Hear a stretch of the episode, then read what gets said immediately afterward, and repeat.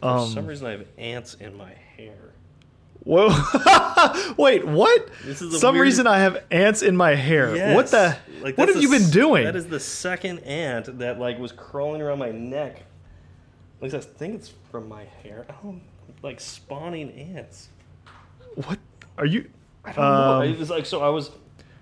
Oh, I might have been at the restaurant, um, which would be weird. But What what what restaurant did you go to? like this little Mexican place near near where I live, and like, or unless the ants were falling from trees, like, like that's the only place I was sitting down. And then like when I was talking to my dad right outside of the apartment complex, like I kept swatting at like my legs and like my my neck, like I just felt like stuff was on me. But it was dark, so I couldn't really tell. So maybe right there is like the ants were crawling at my legs, and I didn't realize it. Um, and then when I got home, I like felt something crawl around my neck, and like I swiped, and this ant like came off of me, and I just did it again. Another ant came off of me. oh, this is gonna be a good show. Oh. You're gonna be covered in ants. Yeah, if you hear me like scream and just like you know swat at the microphone, it's because an ant bit me.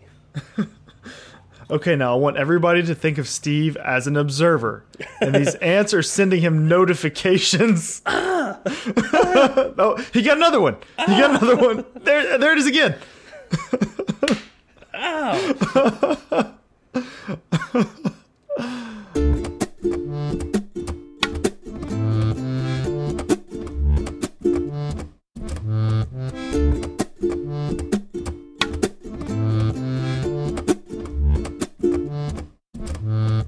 Hi, I'm Steve. And I'm Zach, and this is Fireside Swift. How's it going, Zach? Good. That intro went a lot better than it did last week. Yeah, we actually made it through it in one take. That's always nice. Yeah, so I'm I'm happy with it. I mean, that's that's usual. I mean, it was pretty weird when it didn't go through on the first take last week, but I mean, it's nice when it actually makes it through. Yep. I mean, it just shows you that mistakes do happen. I guess. Yes, yes. Um, so I, I know I was pretty excited uh, this entire week. Um, I'm a Tennessee Titans fan, and uh, for the first time since I was in high school, um, my team actually won a playoff game. Um, So I was actually wearing my Marcus Mariota uh, jersey at work, and uh, I knew I would have just one week, and uh, that was about right because they got rocked on Saturday. Yes, yes, they did. Uh, well, I hope you enjoyed that jersey and got all of the use out of it uh, that you could. I hope that you uh, wore it to bed that night. I, I did not do that. Okay. Um, but uh, it, it was it was nice to be proud of my team for the like the first time in oh, like 15 years. Yeah, yeah, no, they played well. They played well. Yeah, and there were some other pretty uh, awesome ga uh, games too. If you're fans of any of the other teams, yes, we are in the middle of NFL playoffs, and um, I like football. So for those of you who hate football, sorry. I like football as well, but the only game I was able to watch was that Tennessee game. So uh, you pretty much covered your excitement of it. Uh, Yeah. And I don't know what happened in any of the others. So Eh, there was some exciting stuff, but we'll talk about that later. sounds good. All right. So, um, one of the things I wanted to bring up uh, was uh, basically a conversation that um, Zach and I had on Twitter with Kyle Lee, um, who's at, I'm to get that wrong, Kilo Loco? That's how I would say it. Kilo right. underscore loco. Kylo Loco, maybe? I would say kilo. Kilo? All right. Kilo. Or Kilo Loco. Anyways, I guess um, that's one way.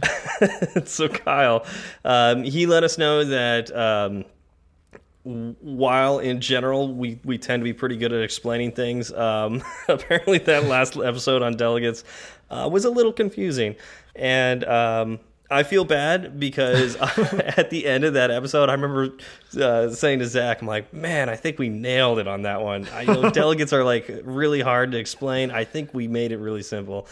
Well, I think we didn't make it as simple as we could have.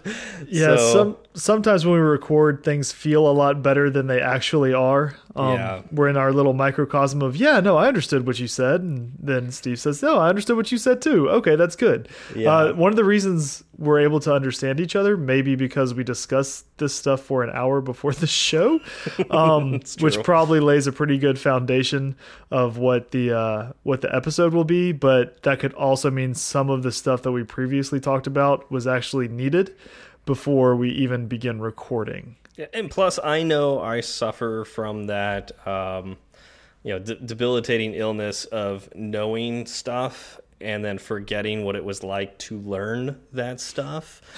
and um, I mean, that's that's one of the reasons that I love having Zach here because um, he puts me in check sometimes. You know, a lot of times when I, I say something, I'm like, "Oh, it's simple. It's this," and he's like, "No, no, it's not simple." Uh, so Right.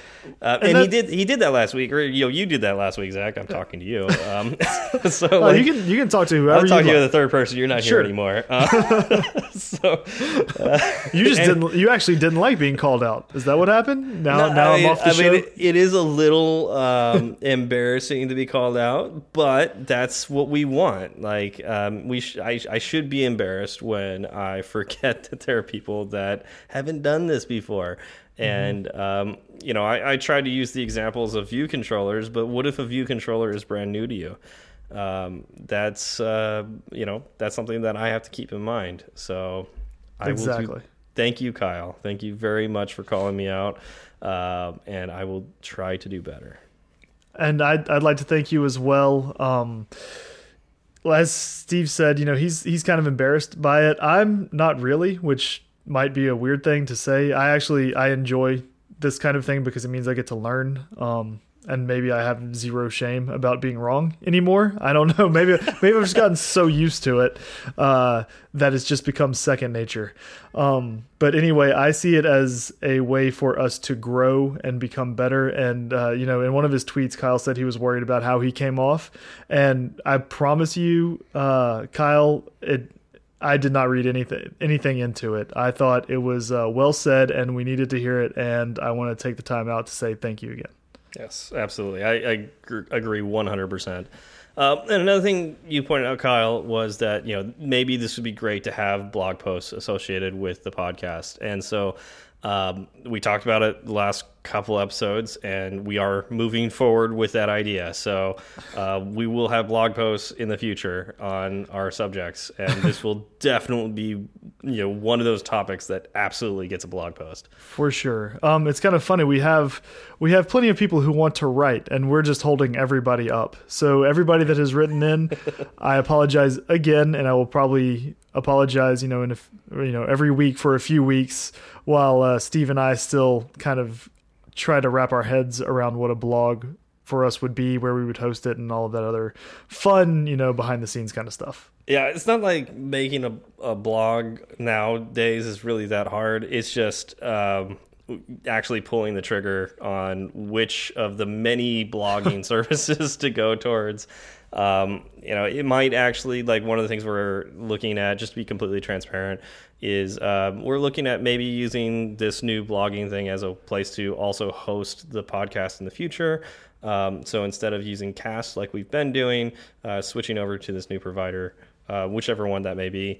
So it would be the blog as well as hosting the the podcast, and maybe a splattering of other things as well. Um, so that's we're just looking at options, and and uh, life takes- has been getting in the way. Exactly. It takes research and communication, and uh, when Steve and I talk, it's usually about other things. Yeah, I mean we still got to put on a podcast, right? So exactly. Exactly. yeah so please be patient with us um, everyone um, we are working towards it it's just uh, you know happened maybe a little slower than it, it would if we weren't busy so there we go. Exactly.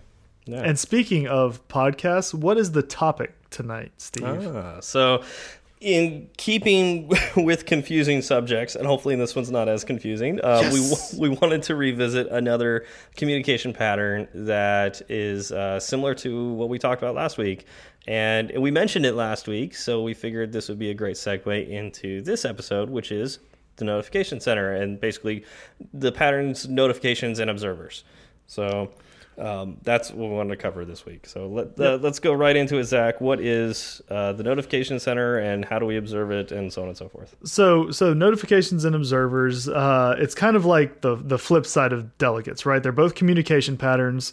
Delegate is a one to one communication pattern uh, with the notification center and the notification center or notification and observer pattern. Um, it's more of one to many, right? Uh, it doesn't have to be one to many. I don't you know. Have, yeah, you could have like one observer, and Right. So it, you got the one person creating the notification, the one or person, I say person, the object, one object creating the notification, and then the other object hearing the notification. So it could be one to one, but as soon as you have another object listening to that notification, now it's one to many. So Right. And if you're going to do one to one, you might as well go with the delegation side of things. yes, exactly. Um, So the example that you see on just about every website or video, any kind of tutorial, um, is that of a radio station. So you have you have your radio station. It's got a big antenna, and it will broadcast messages out. Right, it sends a signal out, and that signal will be picked up by any radio with the proper antenna. Um, so you can you can think of that radio station as uh, the notification center, right? It's it's sending all those notifications out, and anything that is capable to pick up that notification will. Yep. And this includes like uh, system level notifications, like um, oh the the app is going to, or you know the bleh, the whole phone is like going to background mode or whatever. Like you're you're basically turning the screen off and turning the screen on, and um, a call is incoming, uh, so on and so forth. There's a keyboards coming up is another one you could listen to. Uh, system level notifications as well as the ones that you create. Okay, and so you can you can write code in your app to observe for those notifications. Yes. Sweet. Yes. So, but of course, we have to have um, our Fireside Swift version of uh, our example for this. So, why don't you take that one away, Zach? So the way I like to look at it, so you have you know you watch Star Wars. I watch Star Wars. Everybody watches Star Wars because it's amazing. Um, If everybody, I mean, uh, we have to. Okay, we have to be inclusive. There are some people who haven't watched Star Wars, then there and and shame on those people. Shame. exactly. Watch Star Wars. So you have you have Luke flying in the space battle, you know, over the Death Star. Uh, he's about to go in for his trench run, and he says, you know, this is Red Five. I'm going in. So from his cock cockpit, he uh, makes that announcement, and everybody, you know, well, what's left of the red team will pick that up, right? Yeah. Uh, and so you know that that is basically him putting out a notification that is then being observed by the rest of his team. and they take action by following him in and dying, of course. So, Oh, terribly. yeah. Yes. Nobody from Red Team survives, right? I'm pretty sure no, not. Yeah. Yeah. Well, besides Luke. Luke was, you know, Red Five. So Yeah. He lives. Well, obviously. was Big, Biggs wasn't on Red Team, was he? I honestly don't know. All right. Anyways, um, we digress. Um, okay, so how how do you set up um, this whole pattern? Like, I want to do this. I want to basically, you know, here, here's a great example of why I would do this in my app. I'm making a network call with some object.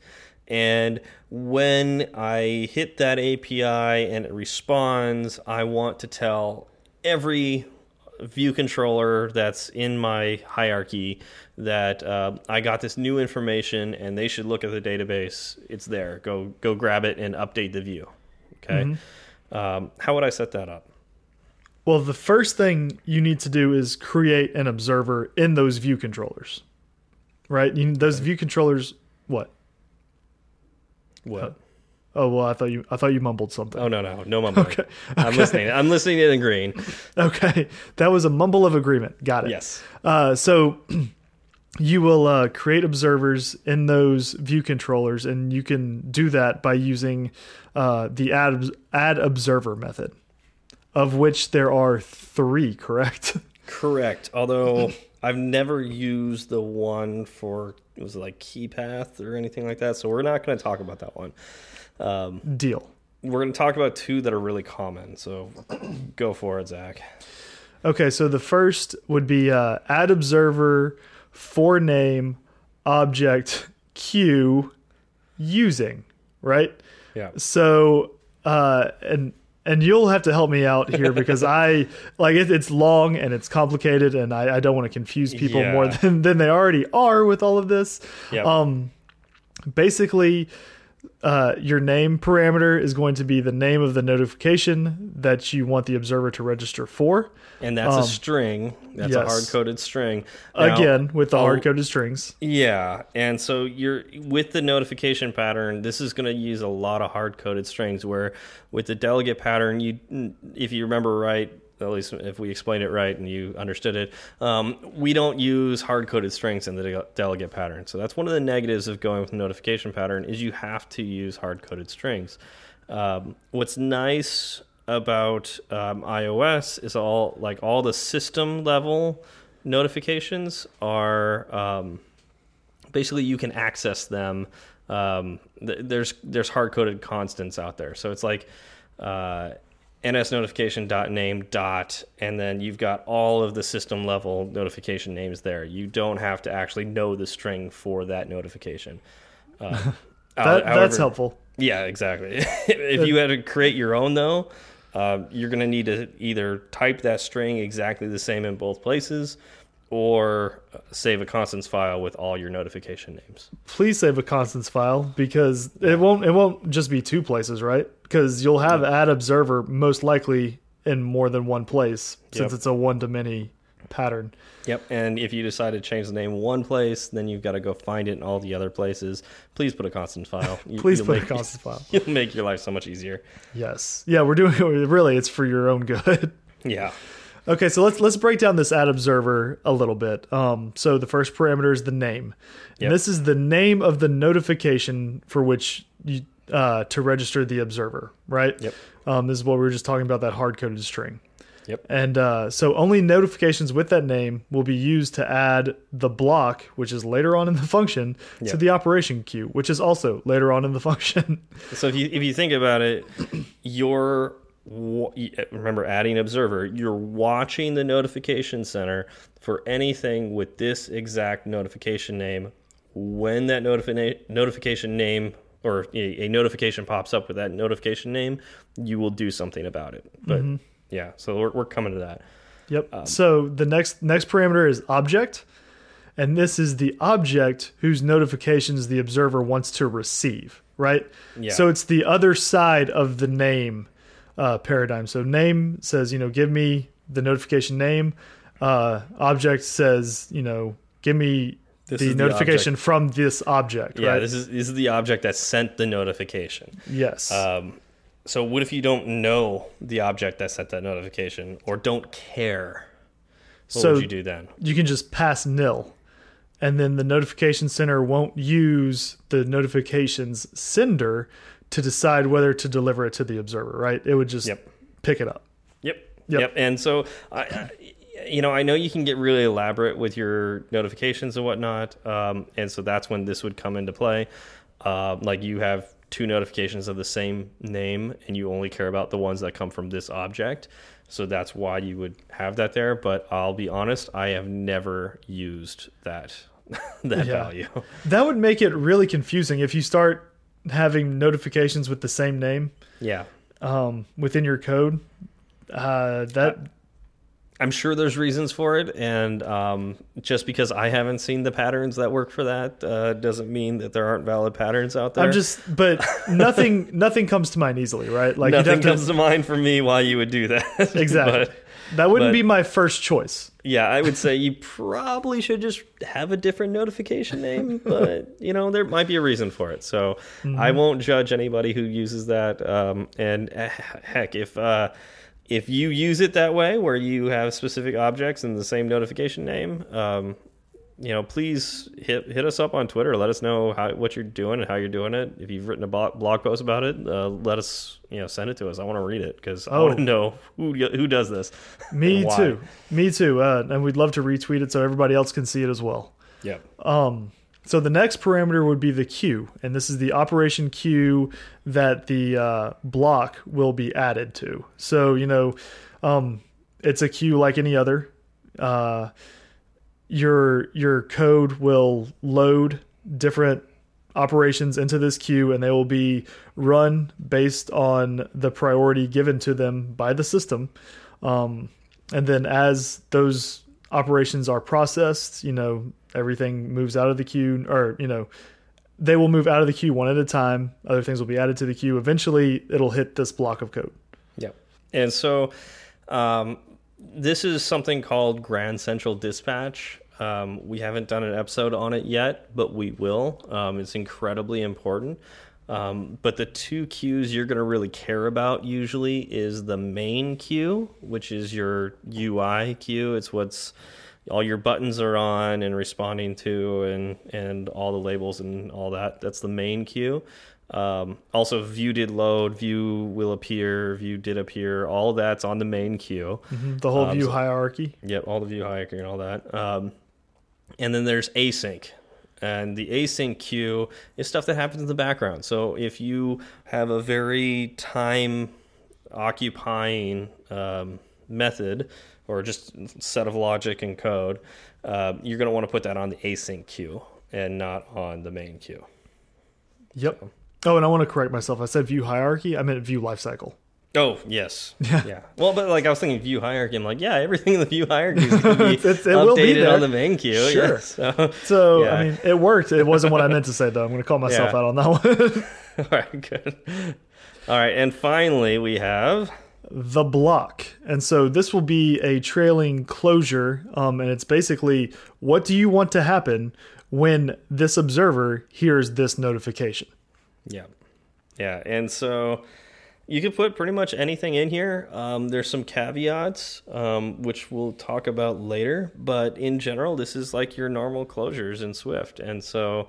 Um, when the thing happens, you know, in this case, the notification goes through, do this thing.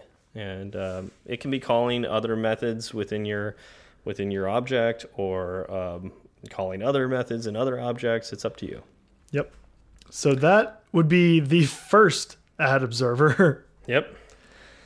And the second is add observer. And so the your parameters for the second one are observer, selector, name, and object. all right. So some of these are similar, Yes. but then there's a new one in here. So um, observer name um, is is well, those two are are the same as the previous one, but uh, selector and object are different. So why don't you go for it? Sure. The selector is uh, what specifies the message the receiver sends the observer to notify it of the notification posting. So, Wait, what? oh yeah. Say that again. Uh, so according to the according to the Apple Docs, the selector uh, is what uh, specifies the message the receiver sends the observer to notify it of this notification posting. I don't know about you, but that doesn't that sentence does not make sense to me. You know what? I, I agree with you. I agree with you. So why don't you why don't you put it in a better better terms? Uh, well, I don't know if I can put it in better terms, but the way I view the selector is it's basically the method that gets called when this notification fires or you know when it gets triggered. Um, so uh, in Objective C, we used to have to put a hard coded string of the the method that we wanted to call. So if I have a uh, a function later in my object called my func, you know, my f u n c, um, I would in quotations put uh, and after putting like oh I forgot it was like at selector or something like that in front of it. Um, I would put um, my func in there, and there would be no precompiler that would help me get that right. Um, so if I later change the name of uh, my func to this func, um, it would not uh, notify me that uh, that wasn't that I needed to change it there either, and it would break the the code. Um, it would break. It wouldn't actually find that selector, and I think it would crash as soon as. It- uh, It would. okay, good. Yeah. Ask me So how I know. you did that, didn't you? Uh, maybe. Yeah. so um, yeah, so literally, it's a string that um, that finds a function of that that string you know that that is the same same text as that string, which is like hard to wrap your head around. But um, if it's the function that you want to get called when this notif when this observer um, hears the notification. So it's basically analogous to the block in the previous uh, method we spoke about. Yeah, because in the block you would put your code within the block, and that's what would happen when the notification occurs. In this case, you would put all your logic within this function that gets called when the notification fires off. Mm -hmm. Yeah, and there's one more thing. We got the object, right? Yes. So what what is that? Uh, that's what I was going to ask you. What is the object? I asked you first. Yeah, but I, I didn't write the notes, so I don't remember. Well, I, oh, I this, this, is the same object, right? This yes. Is the same, like okay. Oh, yeah. All right, so we had it's basically the same as the, the previous one, um, where we've got uh, the observer, which uh, is you know the ob you know in this case, um, who we are registering as the uh, observer, the object mm -hmm. we're registering as the observer. Um, instead of a closure, we use a selector. Yes. Um, the name, which is the, the, the string value name of the notification, hard coded yes. string, and then the an object, which is you know we if we wanted to specify that we only want to hear from a particular object, we'd put a value here. Otherwise, we would set as nil, and then we could hear notifications from any object. Exactly. So the big difference between the two of these functions is what where you place in the code what happens when one of these notifications is picked up. Yeah.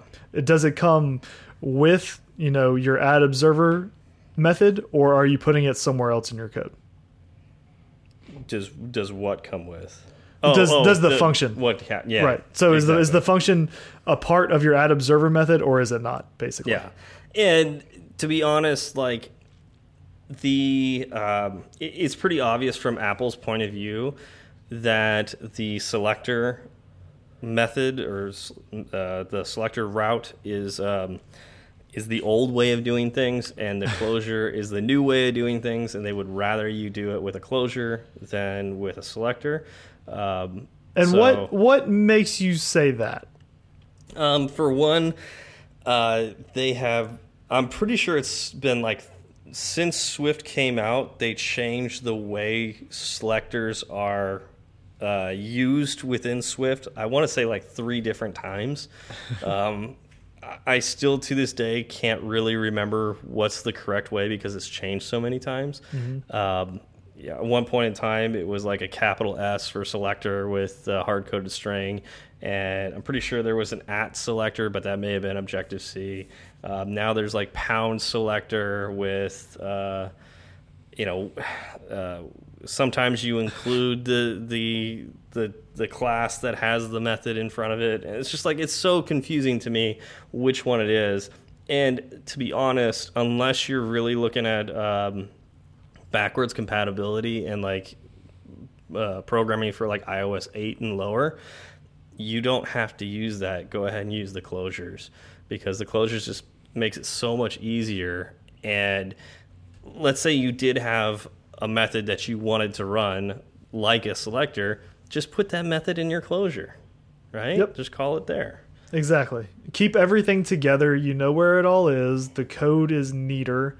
Um, you know, if if you're using the selector method, then when you write your function somewhere else in your code, hopefully you write a comment about you know why that function exists.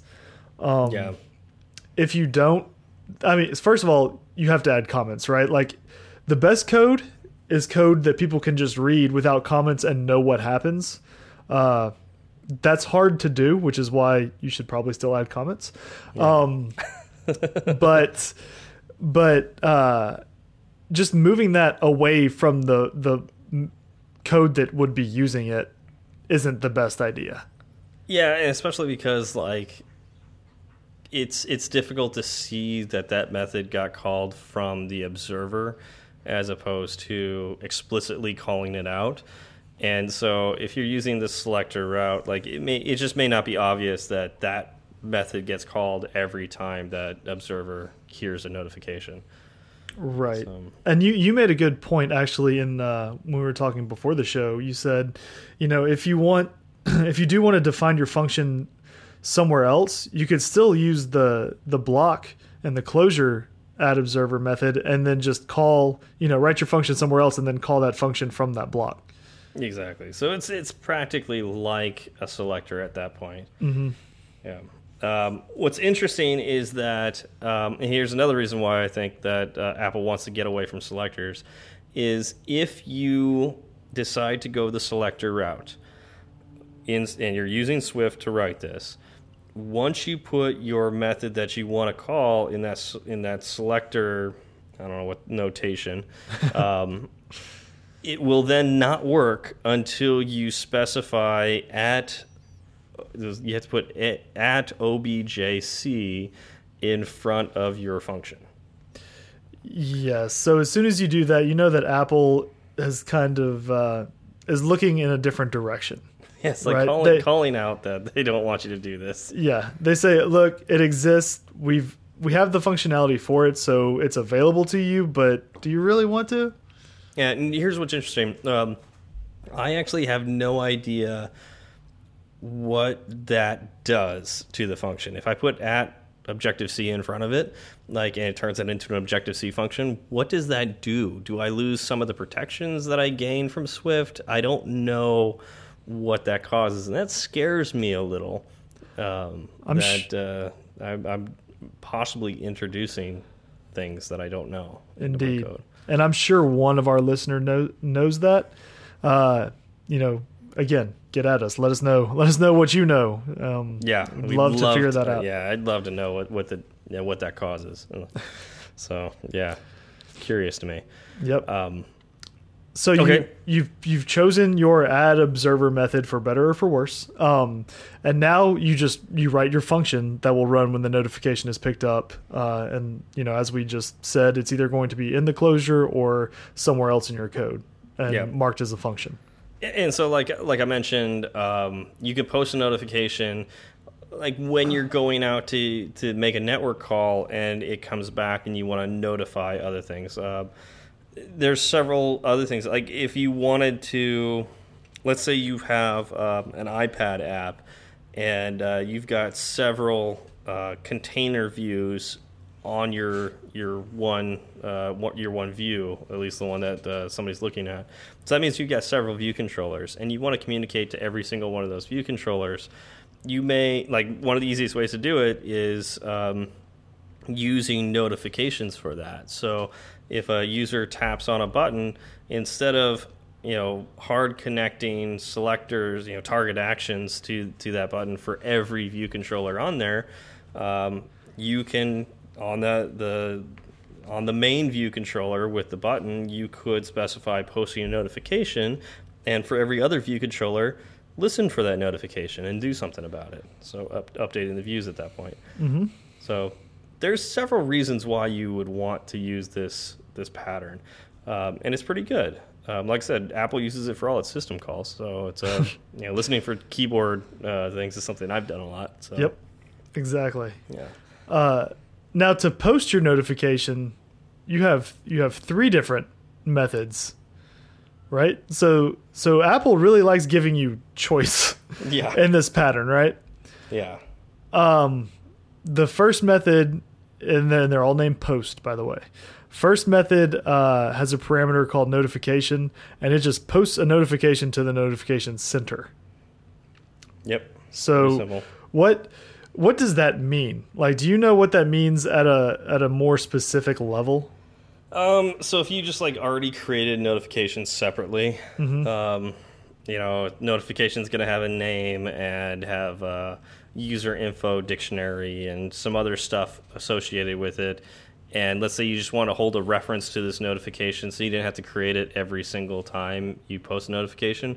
You could have a reference there sitting in your code, and that anytime you want to post it, you could post it. I gotcha. Yeah. Okay, so that sounds kind of like the second one um, as well, but but the second one's more broken up. So the the second function. Okay, go ahead. No, no, no. Go ahead. Yeah. Uh, interrupt you. Second function, also named post. Uh, it's got three parameters. The first is a name, which is the you know, notification's name. Uh, the second is the object, and then the third is user info, Yeah. which would be a dictionary. And so this, in this case, would um, essentially create the notification for you uh, within the post structure. So instead of like the first one where you separately create a notification and then post said notification, when you post this, this creates a notification for you and then posts it. So kind of the twofer here. And this is really the one I use all the time. Um, uh, so uh, really, this one and the, the third one I use all the either or, depending on if I have any data that I want to attach to it, um, and that's what the user info object is here. Uh, the user info object is a dictionary, um, and it's of type any hashable any, um, and I'm trying to think what other hashables are out there. I'm, I, I know I use strings, uh, but there's probably other ones that I can't think of right now. But I typically use string as my my key, and then any would be any other object I want to pass in this notification. So um, basically, this would be uh, with delegates. We would just have a method that has as a parameter for that method the object that I want to pass to that other object.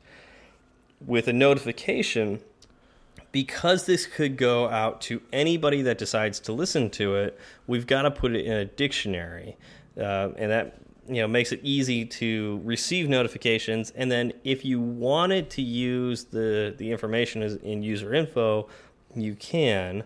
You have to know what's there ahead of time. Um, for instance, if you're listening to the keyboard notifications, there's all sorts of info in the user info doc or dictionary. Um, it has, uh, you know, like the keyboard height, the animation um, options. It's got the keyboard width. It's got you know all all sorts of things to it. Um, and if you care about that, you can listen to it, or maybe you just care that the keyboard came up um, and you want to do something about it. So um, that's what user info is. Okay, that that's nice. Um, and so the only difference, and I think you said it earlier, between the the second method that we have here and the third is that in the third the user info uh, parameter just isn't there, so you're not passing any sort of data in Yeah. that in that notification. And correct me if I'm wrong. The object here is uh, is the object that's sending the notification. I believe so. Okay, so if you, well, wouldn't I guess? Oh, I guess he, it doesn't necessarily know that you're sending it, so you have to put like your object that's sending. Yeah. it. yeah. Yeah, So I guess you could lie there. You could actually like put some other object, and it would think that that object sent it. sure, do it. Let's see what happens. Okay. Cool. and that may be what people do with this is like maybe there's some special thing, yes, some special hack you can use there to make sure that uh, you're filtering out certain notifications based on this object here. I don't know. Correct. I mean, I can I can see it used that way. Yeah. And then, so the final step of this process, and it, it's one that there are varying, uh, varying voices out there uh, that say different things, um, is removing the observer. And there are again two functions to do this. Okay.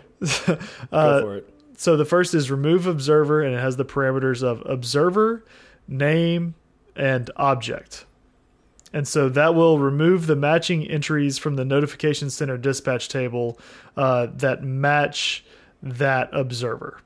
Yeah. So this is uh, pretty explicit. You know, you're only going to remove like these, you know, this particular notification, and you know that's listening for this particular object. Um, so it's it's very very specific on who you know which one you're removing, right? Yes. So, uh, and then the second way is Remove observer with a parameter of just observer. And that will remove all entries specifying a given observer from the notifications dispatch table. Yeah, so I've had mixed results with this, and this actually came up with an app that um, we're making in my company right now, where this method didn't work, and Um, it could, there's several reasons why it may not have worked, um, but it, it definitely was not removing the observers like it should have. So what was what was happening? What what uh, issues were you seeing because the observers weren't removed? Well, we were continuing to get the uh, the observers, or you know, the notifications were getting heard again, and uh, we were um, basically using the uh, the closure method, um, and uh, we had put print statement because it seemed like things were happening more than once. Uh, we put print statements within the uh, the closures to see what was going on. Don't let twostraws know. Yeah, don't let twostraws know that um, because that's that's my favorite way of debugging, right? um, and um, anyways, uh, uh, we were uh, we were getting uh, it, it was true. Like every time we we uh, we navigated to a particular view and navigated back.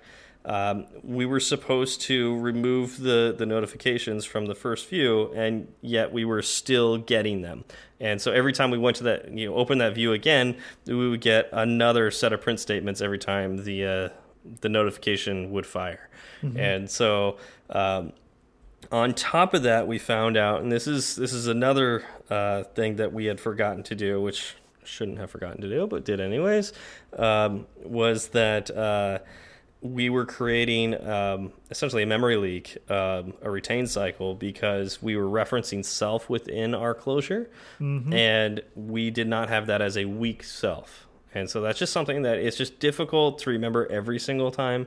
But this is just a, a, a habit you need to have is that when you create closures, just about every single time, I can't think of when you wouldn't, um, you want to make sure you use weak self. Um, and uh, if if you're not sure how to do that, look it up um, in in on, you know on Google. And uh, we've talked about it before, but it may have been several. It was several episodes ago. Yes, so it was. yeah, so just look it up on Google. Um, but use weak self in all your closures. And um, so once we made weak self, we weren't having the um, the retain cycles anymore for the view controller, but we were still getting uh, the retention of the closure, and so the print statement would still occur multiple times. Um, so the way we fixed this is when we created our observer. So when we added the observer to the notification center, there is an output to that function. So there is a there is something that gets returned, and so you can capture that object and save that as a local variable. And then later, when you are removing notifications, that is the observer that you actually remove.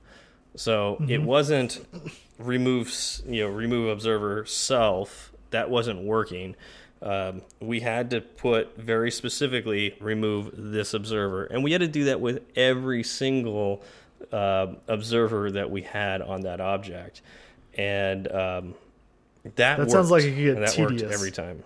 It was tedious. I agree with that. it was tedious, um, but it worked. And so, especially looking at uh, the Apple docs, and the Apple docs say that you don't have to remove observers at all. Like you don't even need to call this if you're iOS nine and above. Yeah. And this app is iO- iOS 9 and above, or it's actually iOS 10 and above, is what this particular app is. And it was still causing this. So there is definitely something either wrong with the Apple Docs or missing on the Apple Docs. Yes. So, And one one of the articles that I read uh, for research for this topic uh, was by Ola Begemann. Uh, I'm sure plenty of people know who he is. Um, he actually brought this up specifically, and it says, you know, reading through the Apple Docs, it says you don't have to do it, and he went through a bunch of test cases and shows that you actually still have to do it. Yeah. Um, and we have linked that article in our show notes, so anybody who wants to can go check it out. And this was actually written very recently. I'm, I'm looking at the article right now. It was written in January 5th, 2018. So, like, not even that long ago. Yeah, Um, nine days. yeah. And I'll, I'll be honest, too. Like, before this episode, I did some searching online because I didn't remember, it, like, I didn't know if what we were doing was wrong or whatever. I wanted to see what was out there. and it just seems like there's a lot of conflicting blog posts out there. Um, I will say that this is an actual problem, and I really want Apple to update their docs um, to let us know what we have to do and when and why. Um, but uh, what, uh, hopefully, it is Ole. Um, I'm probably pronouncing Nope, it wrong. I'm pretty sure that's Um, it. Okay, well, Ole, uh, what he says is 100% right. So at least from from my experience. Uh, so take a look at that. He's got a GitHub page with examples on it, so you can actually see this in action. Yep. So, with all of that being said, do you want to do a quick rundown?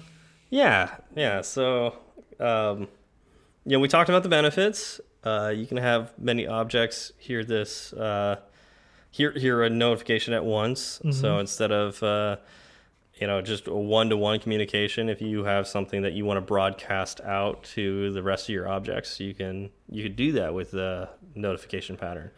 But what are some downsides, Zach? So, with you know, with great power comes great responsibility. so you can well put. you can you can contact all of those objects at once, but you also need to know each of you know that each of those objects is picking up a notification, right? So it can be kind of hard to keep track of what is observing anything if you do have a ton of observers out there.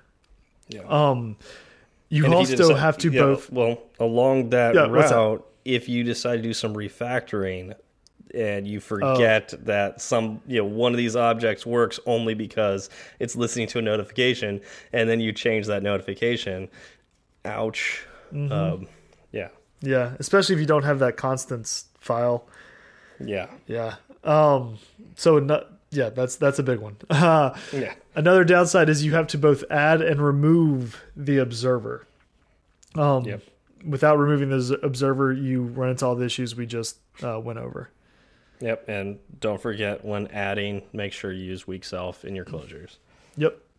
Uh, and the third downside is that it's hard to extract data from these notifications, right? So you get you can pass data with the uh, the user info dict, Yep. as we spoke about earlier, um, but you need some hard coded strings to kind of grok this.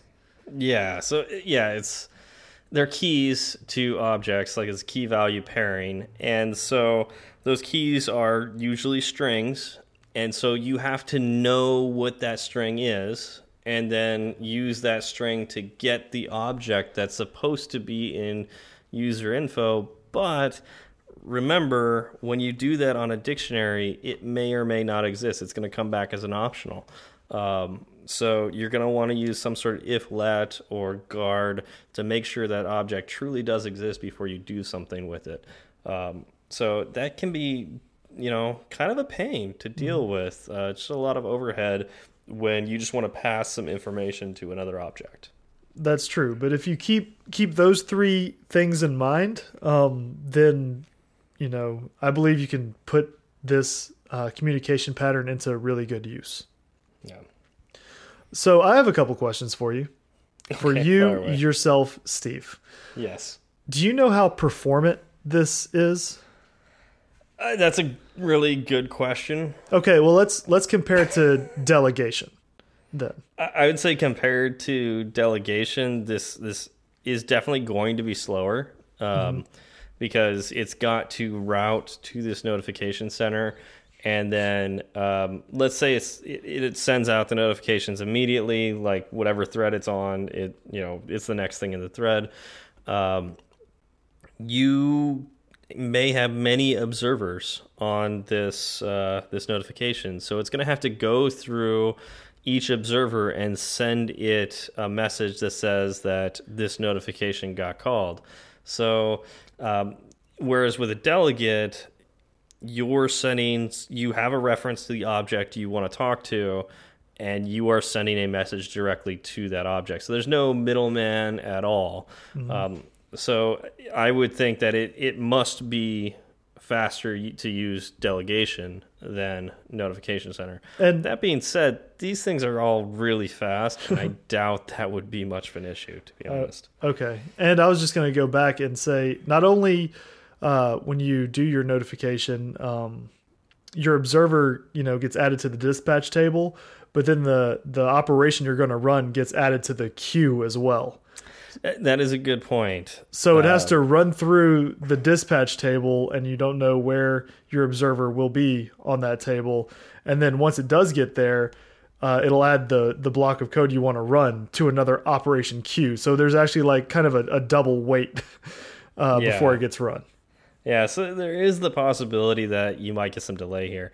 Though, uh, you know, one thing to think about too is like this is going to be delay in the probably not the the human thinking delay, like the computer thinking delay. You know, it's way faster than the way we would think. You probably wouldn't notice. Is kind of what I'm saying.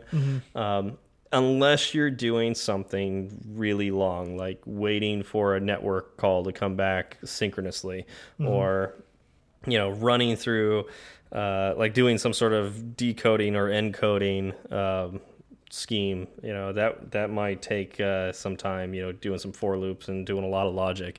Um, That could take some time. So there is a chance that, um, or or let's say you're doing something really fast, but on the queue you get behind one of these things.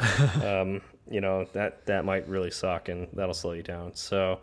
Uh, I would say more often than not, it won't matter, but it could matter. In that case, delegation would be much faster.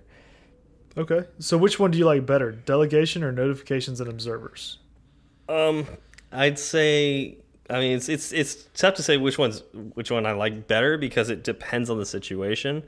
Um, that being said, I think in my case, I usually see more situations that involve delegation than I do uh, notifications.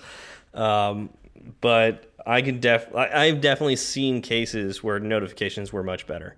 Okay. Um, so it just depends on the circumstance. it definitely depends on the circumstance. Which okay, how about this? Which pattern do you like implementing more? Like which one do you feel better about uh, writing up? Um, gosh, that's a tough question. Uh, I mean, I, I'm- feel pretty comfortable with either because I, I use both of them fairly commonly. Oftentimes, I use uh, notifications from again the system and not necessarily my own personal notifications that I post. Um, but uh, I do use delegation all the time. Uh, I also use the system delegation, like from widgets on the view controller. So Yeah. I, it, yeah, I don't know. Okay. I, That's I use them both. Okay. all the time. Yeah. That works. Um, I think one more little bit of miscellany that's that's good to cover is that this pattern only covers notifications within one app. Uh, you if you want to send notifications to other processes, you can, but you would use what's called distributed notification center. Um, and I did a brief run through on this. It looks like it acts in a similar fashion, but I'm sure there's more to it. Yeah, that, that probably gets pretty complex because the way iOS handles other processes, um, you know, like uh, how stuff gets backgrounded and, you know, oftentimes it's not available to, to listen to things. Right. So you'd be having to rely on the operating system to wake it up and, and be able to respond. Um, I have not used the distributed notification center ever, so that's something that I would like to learn one of these days. There you go. It's just it's just waiting for you. It is. like so many other things out there. Exactly. yeah. Very nice. Okay, so I, yeah, I think we pretty much covered everything. So, is there anything else uh, you'd like to add there, Zach? No, that that's it for me. Believe me, I am tapped out. cool. All right, so uh, definitely want to give some shout outs. Um, I, I think you have some particular shout outs, Zach. So why don't, why don't you take the floor? Yeah, so uh, you know the the information I used to research this it came from material provided by Joyce Matos, Sean Allen, of course, uh, the Apple documentation, which may be wrong, and Ola Begemann, which corrected the Apple documentation. Yeah, it's it's funny to you know talk to the Apple. app- Usually the Apple. Here's the thing, like um, the Apple documentation is almost always like really spot on and great. Um, so I don't want to like put down the Apple Docs team at all But- because But because it is usually correct, you feel like you can trust it, right? So when Yeah. when it when there is a mistake, it's very important to call it out because That's true. since there aren't any mistakes there usually, you wouldn't expect to see one, right? That's- like your guard is completely down. I, to, I, I, there's nothing I could say about that. So, very good, sir. Um, Yes. yes. All right. So al always we want to call out the uh, Swift Coders network of podcasts. Um, so that would be, of course, uh, the Swift Coders podcast with Garric and uh, the Learn Swift podcast with uh, Steven. Yep. Uh, Stephen Sherry, not me, Steven. No, Um, different Steve. And uh, yeah. On the Learn Swift podcast this past week, it had uh, the guest was David Okun. So he did the Lumina app, and he was the guy who actually let me mess with his uh, his app and submit something to open source. Oh, nice. Does he talk about that at all on the, the episode? I haven't listened to it They yet. briefly touch on it. Uh, yeah, it was it was it was fun hearing it from his perspective. Cool. Yep. Yeah. This one guy, Zach, just sort of like submitted a thing. And, And everything was broken and busted, pit- and I, yeah. no, not at all. In fact, uh, he he was very almost apologetic for it, and it, none of it was his fault. well, nice. So, uh, very cool. Everyone, go out and listen to that. Yeah, definitely go listen to that one. Um, so, Zach, uh, how do we reach you outside the podcast? You can always reach me on Twitter. Uh, my handle is at zfalgout1. That is at z f is in Frank a l g o u t and the number one. How about yourself? You can reach me at SW Berard. That's B as in boy, E R A R D as in dog. And there's also the show Twitter, which is At fireside underscore swift. all right. Well, thank you all for coming out, and we'll see you next week. Y'all have a good one.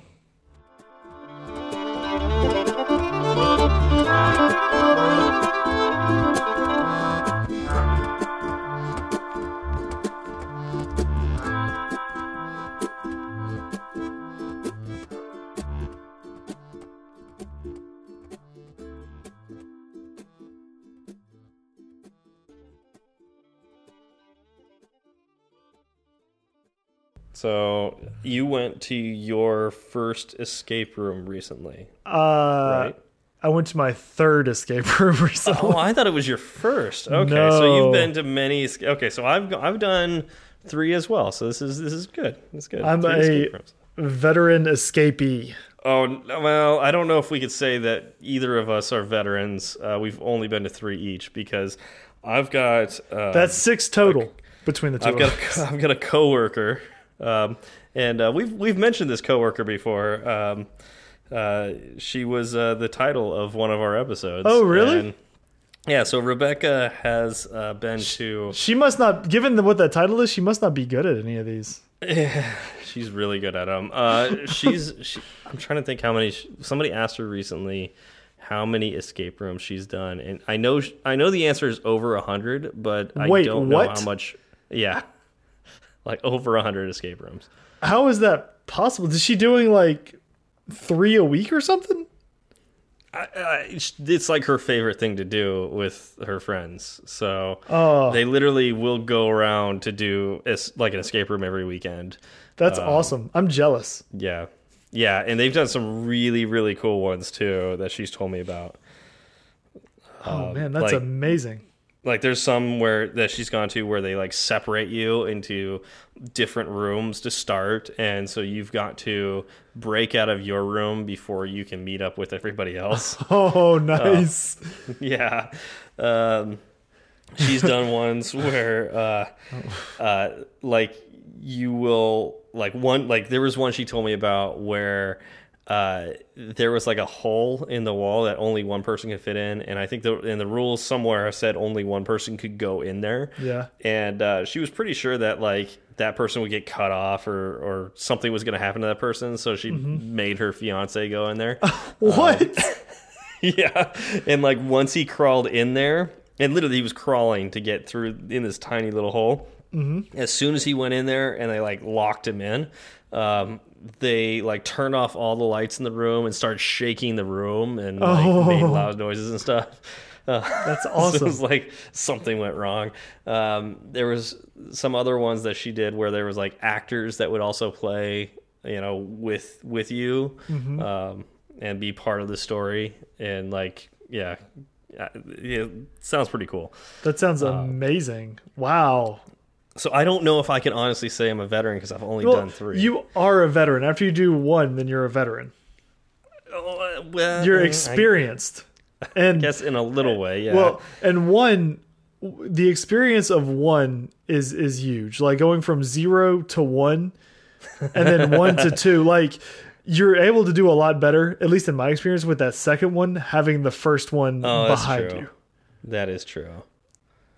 Yeah, because Because- um, I failed. Yeah, my my group of friends we failed the first one we did, but we passed the second one with flying colors, and then the third one I did with my company, and yeah, we we nailed that one too. That and that's exactly us. I failed the first one and passed the second two. And I I think I look back on it and I think if I had done if I had flipped the order and done the first one at the time uh, instead of the third one, like if I flipped those, Yeah, I think we would have gotten past that first one and then failed the third one. Yeah, see, I, I don't know if I would have gotten through. Oh, yeah, okay, yeah, I see what you're saying. Because the, the first one you did was the hardest, is what you're saying. No, I'm saying the first one we had no experience going into it, so we weren't really sure what to expect. Oh, yeah. and because we had that experience going into the second and third, we did better. Okay, yeah. I see. I feel like if we had, even if even then, like if we had done the other ones first and then did uh, the one we did first. I, I, that's kind of hard. No, I'm trying to figure out the order. The very first one we did, no matter what order, I think we would have failed that one because that one was really hard. Okay. In that- fact, um, when we when we did the one for work, uh, we split into two groups, and my team did the one. It was at the same company that I had gone to for Yep. the the one, the one I did before. Um, so my group did the other room that this company had, and then um, the second group in the company did the one that I had done the first time I did an escape room, and they did not pass. Oh wow. That was a hard room. Yeah. So so the first and third that I've done were with the Wait, same wait. company. So hold on a second. Like we're talking about this, and this might be the after show. I'll bet there are people out there that don't know what an escape room is. Okay. Well, do you want to describe it real quick? You're probably Yeah. right. We sound, Yeah, we just so- sound crazy. Yeah, exactly. Escape room. What are they talking they had to crawl through a tunnel and then they turn the lights out. And they like Right? this? Yeah. So, um, okay. So if this ends up being the after show, which it probably will, um, an escape room for those people who do not know, um, this is a room that. Well, okay. So like, there's companies that that make these rooms that you go in and they have a bunch of puzzles. You solve the puzzles, and there's usually a story that goes along with it as well. Uh, you solve the mystery of the room, and oftentimes it's not just one room; it's multiple rooms. So Yep. you like escape out of your one room, go to a different room to solve like the rest of the puzzles, and once you've solved all the puzzles, then you and you solve the mystery, you're done. Yes. and you usually have like an hour or so to finish your your puzzles before something bad happens. Yep. All right, That's- back to our discussion. Okay. So so the first and the third one I did were at the same company. Shout out to the Escape game in Austin. Love it. Nice, Uh, nice. And they were rated at the same difficulty. Okay. So I would expect them to be on par with each other. And like I said, the first one we failed. The third one that we just did this weekend, we passed very well. Um, Gotcha. So I, I think if we had flipped those, we would have the opposite result. Gotcha. So, So and I okay. and I it was awesome because you went in there, and so this was called uh, this was called classified. So if anybody is is planning on doing this one in Austin, Yeah, spoilers. probably, we pro well, we probably don't want to do too many spoilers. Like, Uh, well, I'll just I'll just say a couple of things, right? So Yeah. we got through the first room in nine minutes, and Okay. it's only a two room uh, escape. that's pretty game. fast. Yeah. So we got through the first really, one in fast. nine minutes, and we spent uh, like fifty. No, not fifty. We spent about forty three in the second room. in the second room, and uh, when we got the when we got the final code, um, I you know, I opened up the door and I was right there, and I I sprinted into the hall because I thought we might have another one, like a third room behind it, and we only had like six minutes left. I was like, no, we have to get this, and uh, I nearly I nearly uh, tackled the. The employee there who was coming to say, you know, oh, congratulations. What do you think about the room and all that other stuff? Like, I flew out into the hall and he was like, whoa, where are you going? Wait, so the the final door led to outside the room? well, yeah. The, so the final door it just leads to a hallway, and the hallway takes you back to the lobby. Oh, that's funny because like you like the last the well, let me think if all of them did that. Yeah, every single one of the escape rooms I've done, the final room never led to the hallway. Oh, really? Yeah, it was just like it went just deeper into the building, and so you had to go back out the way you came in. Oh, see, and that's something that we all agreed would be kind of cool. Like, is so that final after you get that final clue, is that last? So you say you go deeper into the building. Is that like Yeah. the final scene? Yeah. Oh, yeah. okay. See, So- that's that's something that we wish had happened. Like because we did, you know, we did the storyline and we we completed it successfully, but then you don't like get to see what that means really because you're just Oh, out in the hallway. Yeah, so um, I'm not going to say where I went, so that way I can do spoilers and not have to worry about people, you know, knowing about it. Uh, so there was one that we did that um, basically involved uh, a killer with a bomb, Yep. and um, and so like we're you have to like the first room like you're solving like you know, how you know basically where did he put this bomb and you know not necessarily how much time we knew that it was going to go off in an hour um, and so like we're all trying to solve these puzzles to to get into um, you you know just to figure out what's what's next you know like to where he put this bomb and like he's he's left all these clues around and so As killers with bombs do. Of course, right? That's, that's what they do. Um, so I think the idea was like he's very forgetful, and so like if he needed to find his secret lair, like he left clues for himself, and so yeah. Anyway, so we we solved all the clues and we unlocked this secret door, and uh, we go into it, and there's like. Um, a body there, um, not a real Oh. body, but uh, The theming in this place is amazing. I know, right? It was uh, like a mannequin, Yep. and um, so long story short, there's a lot of other things we needed to do, but um, when it was all said and done, we got these two poles, and uh, what the bomb was actually inside the mannequin. And we had Oh. to stick the two poles in, and one pole was like actually I think the poles were already in it, but we we had to unlock them somehow. And um, so the two poles are like inside the mannequin, and then like the part of the leg was see through, and you, I could look into the the leg and see wires, and oh, like nice. and so through this whole thing, we figured out which wire to cut, and um, basically one person on my left was uh, had the cutting pole, and so they were sticking through. Like imagine like they had to go through the entire leg mm-hmm. of this mannequin to get to like the upper leg where I'm seeing it. And then somebody had to go through like the shoulder of the mannequin with another pole that had like a grabber. Right. And so they had to like maneuver the grabber to grab and there's like six different wires through this little window that I could see. And they had to grab the right wire and then the other person had to get the cutter and so the grabber needed to get it close to the cutter and then the cutter had to cut the wire. But they're so far away they couldn't see it. So the person in the middle has to direct both of these people with the poles. And uh I'm like yelling now. like so. Somehow I ended up being the one in the middle. I don't know how that happened, Yeah. um, but I'm like yelling out like different commands, and like I'm, I'm trying to think like how do you tell somebody to twist their their pole counterclockwise and clockwise? so what Yep. ended up happening is I'm like yelling out the person's name, and then like say. Twist your pole like this, and I'm like making motorcycle. Was like, no, twist it this way. Oh, and uh, and I would have given it up like, and there was a lot of us in this room. I think it was like ten people, so it's like Wow, that's of the- huge.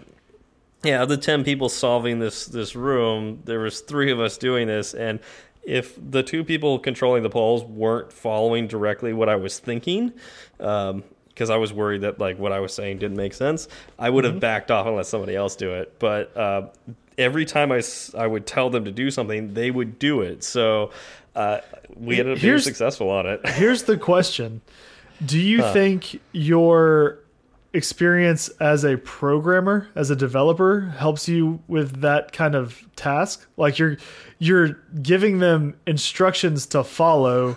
Very like you're basically writing a program. Yeah. Now do this. Um, now do this. Yeah, but it, it- because it was like on the fly, though, it was like, uh, in a way, yes, because like there's feedback from my eyes that this needs to happen. But like I had a, I, I, it, it was more like figuring out what needed to happen next and then relaying that one piece of information instead of, okay, you need to do this, then this, then that. It was more like, okay, now do this. Oh, now you do this. Right, I- but I'm saying you were really you were you were doing it just in a slow sequence. Yeah, maybe with a lot of feedback. More, Yeah. yeah, more like a PID, um, you know, machine. Um, yeah, for engineers control systems, um, it's more like that than anything else. Um, yeah, I don't know, but um, I remember the the first one was particularly memorable um, because uh, during the whole thing, I want to say there's like six of us, five of us maybe in that room. The first the first one we did, Yeah. and uh, at one point in time, uh, the you know the the employee over the walkie-talkie says, uh, "Please stop disassembling the air conditioning vent, air Uh. conditioning machine. Like it's it's not supposed to be um, disassembled." And I remember hearing uh, my buddy Will over my shoulder going, "But it was so easy to take apart." That's awesome. well, what was great was the next time we went back, which was many, many months later, and this was for my company, and I had already relayed this story because I thought it was hilarious that uh, this happened. Um, during the onboarding process, where they're telling us, you know, what to do, what not to do, one of the things they made sure to say was, "Do not take apart the air conditioning unit." You know what's funny is this past weekend when I was doing mine, um, there was an AK forty seven in the okay. In the room, and so I was picking it up and I was looking at it and I was pushing all the buttons and you know trying to eject the clip, and then all of a sudden there's a big TV monitor that they use to to uh, display messages, and Uh-huh. there's a loud like noise that goes off, and so we we heard it and we all look up, and on the on the monitor it says. Uh, the AK does not need to be disassembled. And right after I read that, I was like, okay, so we don't need to push any more buttons. But I had already had my finger like pushing on one of them. And so I took my finger, I took the pressure off of that button, and the entire like slide popped off and then clanged to the ground. And I go, and I just, I kind of like slid everything over to the corner. And uh, our, our, uh, our helper's name, his name was Christian, and I go, uh, Christian, I think I broke your AK, and then I just left and started trying to figure out other things in the room because it was it was in two pieces at that point. Oh my god, that's great. I know you told me I didn't need to disassemble it, but you that message came about three seconds too late. yeah. And oh man, that metal piece hit the concrete floor, and everybody looked up, and I was just like, "Yeah, my bad." I hope you know how to put it back together because I don't. Awesome. I can only take it apart. Yeah, Yeah. escape rooms are a ton of fun. Um, another really memorable one was uh, we did a casino one, and at, at some point in time, like we were given a pair of dice, and we're like, "What on earth do we do with this dice?" And you're like, "I, I have no idea." And somebody was like, "Just roll them." And so like there was a, a craps table, and so we just rolled the dice on the craps table, and it turned out that there were magnets in the dice, and Oh. there was uh, like metal or magnets in the the table, and they they stopped on a very specific number, and um, that meant something for the next puzzle. It was just like really cool. It was like we stopped. We were like, okay, we have this dice. we're at the craps table. Somebody throw the dice. It's like you, you wouldn't think that they would do anything. Like throw the Right. dice, and it it was like Yep. really cool. Like that. That's what was. That's what we needed to do. Uh, I just I love it because you use you know it's it's very you have to use your brain. You think about Yeah. Everything that's going on, and there are all of these very seemingly disparate pieces of information in the room, Yeah. and you have to somehow put all of that together to come up with the answers to get yourself out. I just I love it. This makes me want to do another escape room. I could I could join your your friend and coworker Rebecca. Yeah. and uh, do them all the time. Yeah, yeah. It, gosh, um, they're they're kind of expensive, so I don't know if I could do them all the time. But They are a little man, pricey, but it's so Um, much yeah. fun. They are so much fun. They're so much better than any other kind of like thing you would do with your friends. Well, I mean, I guess there's certain things that I, I like. I enjoy board games, and so like a good Yep. board game could potentially be better. Yep. Um, but man, escape rooms are just great for for hanging out with your buddies. And you well, and the thing that happens after the escape room that doesn't usually happen with board games, but it can, um, are the stories that come out of it. There are definitely stories for sure. I Uh, don't, th- that being said, like the board game, some of the board games I play, like there are stories that come out of that too. That's that's uh, you know right topic for another but I, but I think uh in, in my experience the stories that come out of the escape rooms are more relatable to uh, a general audience than the stories well, that have for board games that's probably true. yeah Yeah.